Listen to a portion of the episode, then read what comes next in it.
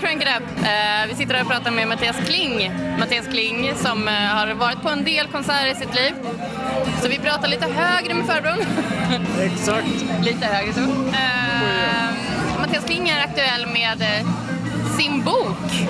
Ja, som sagt, den heter ju Only Young Twice och är historien om Europe och eh, ett projekt jag har jobbat med i ett och ett halvt år och ganska nyligen utkommen. Så det är kul. Ja, alltså, jag har varit tjänstledig i ett halvår för att kunna göra den här boken för det är sånt, liksom ett sånt här projekt, det gör man inte bara på deltid utan man måste verkligen gå in helt mentalt i det och försöka göra sitt bästa och bara lägga manken till och det blev bra till slut.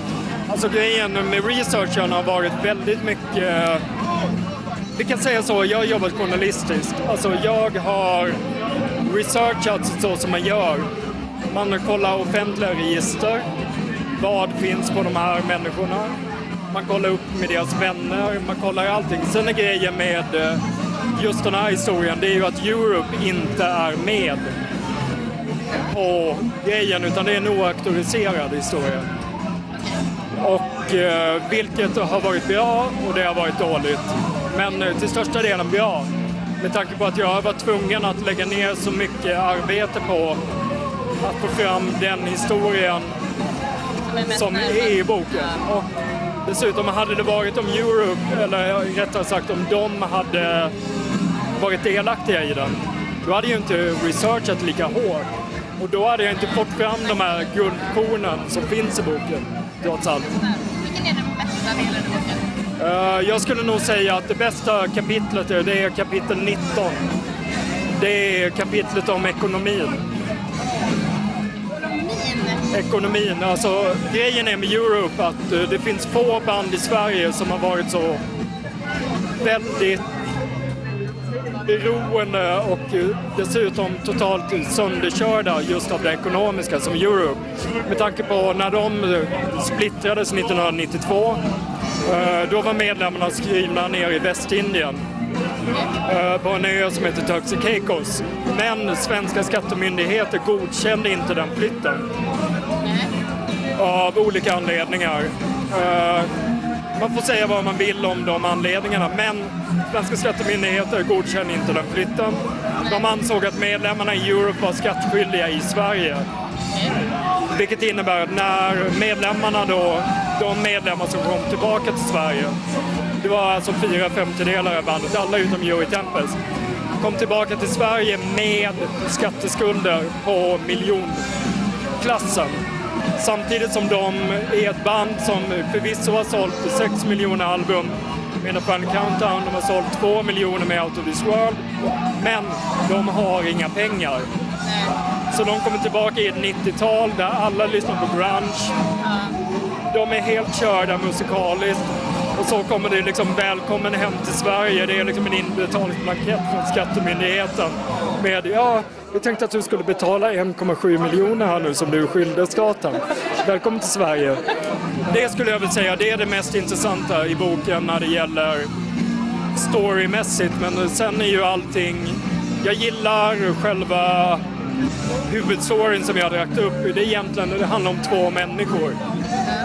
Det handlar om John Norum och det handlar om Joey Tempest. Jag har följt dem ända sedan de var barn i Upplands Väsby. Genom deras uppväxt och genom deras vänner som berättar om de här två helt olika människorna som, bi- som bildar ett band tillsammans och den friktionen som det finns mellan dem. John Norum är väldigt skygg. Han gillar inte uppmärksamhet. Han gillar bara uppmärksamhet på ett sätt. Han gillar uppmärksamhet när det han får genom att spela gitarr. Men han vill inte göra, egentligen göra intervjuer. Han vill, speciellt inte under The Fun Countdown-åren. Medan Joey Tempest är tvärtom. Han är liksom den utåtriktade frontmannen som är framgångsrik. Bra kombination. Ja, precis så. Det är ju en klassisk kombination. Och det är väldigt många band som har le- levt på just det där. Men just den, deras historia och deras fiktion dem emellan är väldigt intressant och det är huvuddragen i boken. Och sen är det ju så att uh, John Norum slutar ju snedstreck få sparken ifrån Europe eh, där under hösten 86. exakt vad som stämmer. Jag skulle säga att det är en kombination mellan båda. Den enkla historien och den som har berättats av Europe, det är ju att John Norum slutade själv. Och det är den som alla vidhåller än idag. Även på direkta frågor. Jag har frågat Lena Haugland. Hon säger bara nej, det var någonting John ville göra. Men så enkelt är det inte. En stor del till att han eh, valde då att sluta sparka i bandet var ju att han ville inte vara med på den framgångsraketen som Europe blev. Han ville inte stå och spela playback. Han tyckte att The Final Countdown-skivan tyckte han ju var värdelös eftersom hans gitarr inte hördes. Till exempel, och han, liksom innan plattan ens var släppt så gick han runt i pressen och pratade om att ja, nej, men jag hoppas inte att folk inte tror att jag spelar så dåligt som jag gör på skivan. Alltså, han, redan innan skivan ens var ute gick han och pratade om hur dålig han tyckte den var. Så, och sen när hela det här liksom promotion-grejen drar igång så vill han inte vara med.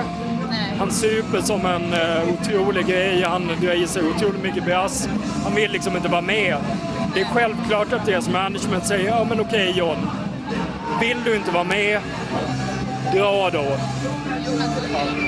Och därmed så splittras ju Europe i två delar. Eller historiemässigt i två delar, vilket gör att jag följer John Norum under solokarriären. Okej. Samtidigt som Europe går här så går Jo- John Norum här. Och sen återslutsstopp. Vad säger Europe själva? Uh, jag vet inte. Alltså, allt jag vet är att de kommer väl officiellt bemöta den med tystnad.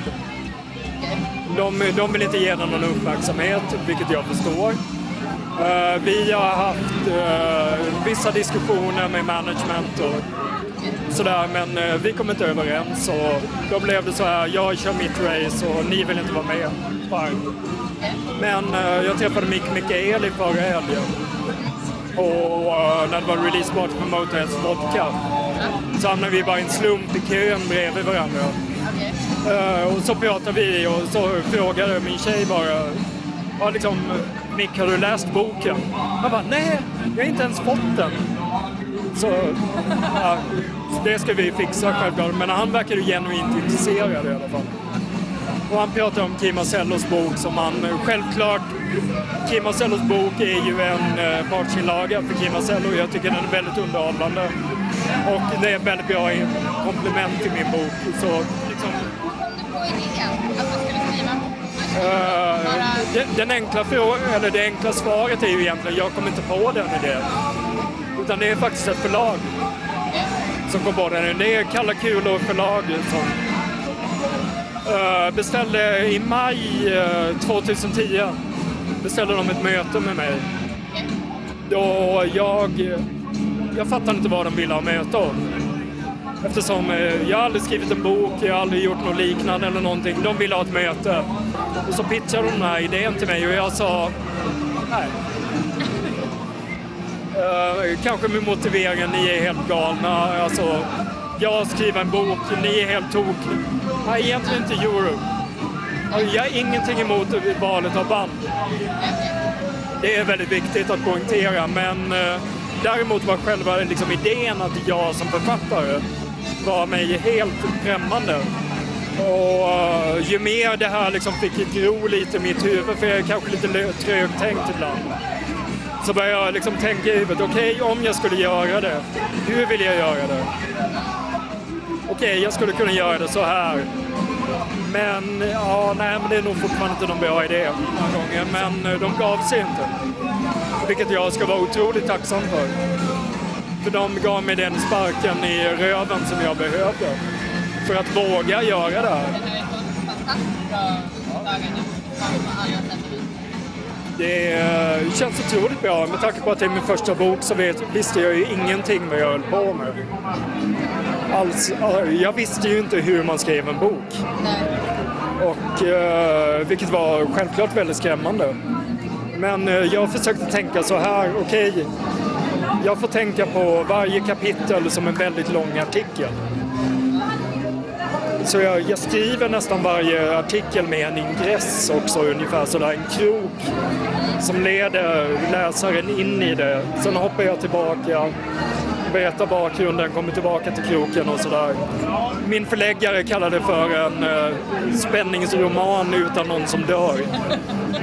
På något sätt. Eh, han, ja, i stort sett alltså. En bladvändare. För jag är ju liksom inte världens största Euro-fan. Jag, jag älskar Euro, men jag tycker inte de är Sveriges bästa band.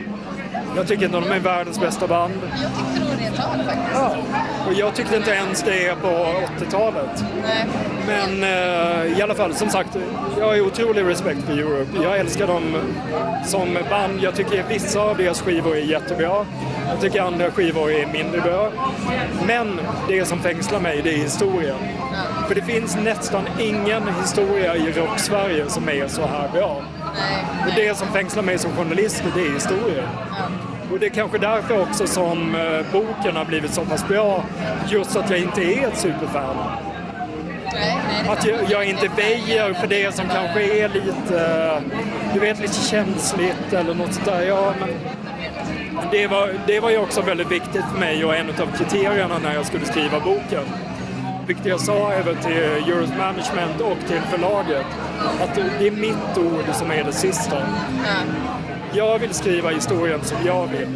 Självklart har ju förlaget en, eh, liksom en roll självklart att säga okej det här är inte bra nog. Men däremot när det gäller detaljer, så där inte man ska gå in med röd penna eller någonting. Och jag skulle definitivt inte vilja ha bandet och gå in med en röd penna i den. Så det var en av av anledningarna också till att det blev en oauktoriserad bok. Och därmed också bättre, tror jag. Det finns vissa svagpunkter och det är att det finns inga officiella citat i New Europe. Nej, ingenting som de själva går in och hjälper till att pusha lite med. Sådär. Nej. Som sagt, jag tycker inte att det gör så jättemycket att det inte är en officiell bok. Eller självklart inte. Men eh, många av de som har läst den säger snarare liksom du kunde inte ha skrivit den här boken om bandet var med. Nej. Därför blir den bättre. Ja. Det här tycker jag är grymt. Högläsning på Release Live Assign. Det står ungefär en 600 pers i bakgrunden. Vi kör högläsning med Mattias Kling. Uh, eh, nu är jag en eh, ganska dålig högläsare i alla fall, men det här är ett smakprov ur eh, kapitel 19 som vi har kallat för, eller jag har valt att kalla, Allt hänger på namnteckningarna. Som börjar så här. Det är en helt vanlig dag, som så många andra här i Stockholm under tiden tidiga 1990-talet. Tunnelbanan går med en punktlighet som just för dagen gäller. Dagisbarnen leker på sina gårdar. Bilarna trängs på gatorna och huvudstadens stressade invånare trängs i en ambition att genomföra ännu ett dygn enligt ett trav som ställs. Allt är med andra ord på ytan precis som sig bör när Mick Mikael öppnar dörren i den lägenhet som han har flyttat till efter uppbrottet med Europe. På hallmattan ligger ett några brev, vilket är något konstigt i sig. Men ett av dem innehåller ett vanligt inbetalningskort utställt av Skattemyndigheten i Stockholm. En helt vanlig postgiroblankett vars krav är svårt att ta in. Keyboardisten börjar räkna nollorna. 17 000 stämmer inte. Det är för många siffror. Det som krävs är istället ett... Det här går inte att säga egentligen. 1,7 miljoner. Det ser bättre ut i skrift. Miljoner. Med tanke på att Mikaeli, killen som bara några år tidigare stod och spelade Final Countdown för utsålda arenor världen över, idag inte har några pengar kvar finns det bara en sak att göra. Inbetalningsbanketten ramas in och hängs upp på väggen. Där in dem. Ingen idé att betala. Strålande. Och där finns en liten bild av vad som de facto mötte Europe-medlemmarna när de kom hem till Sverige. Och allting förklaras i den här boken också varför de inte hade några pengar. Trots att de hade sålt 10 miljoner plattor så hade de inga pengar. Nej. Och då är ju det stora frågetecknet, hur i helvete? Eh, vi tackar Mattias Kling. Vill du säga adjö? Tack så mycket. Tack så mycket. Ha det bra där ute i cyberland.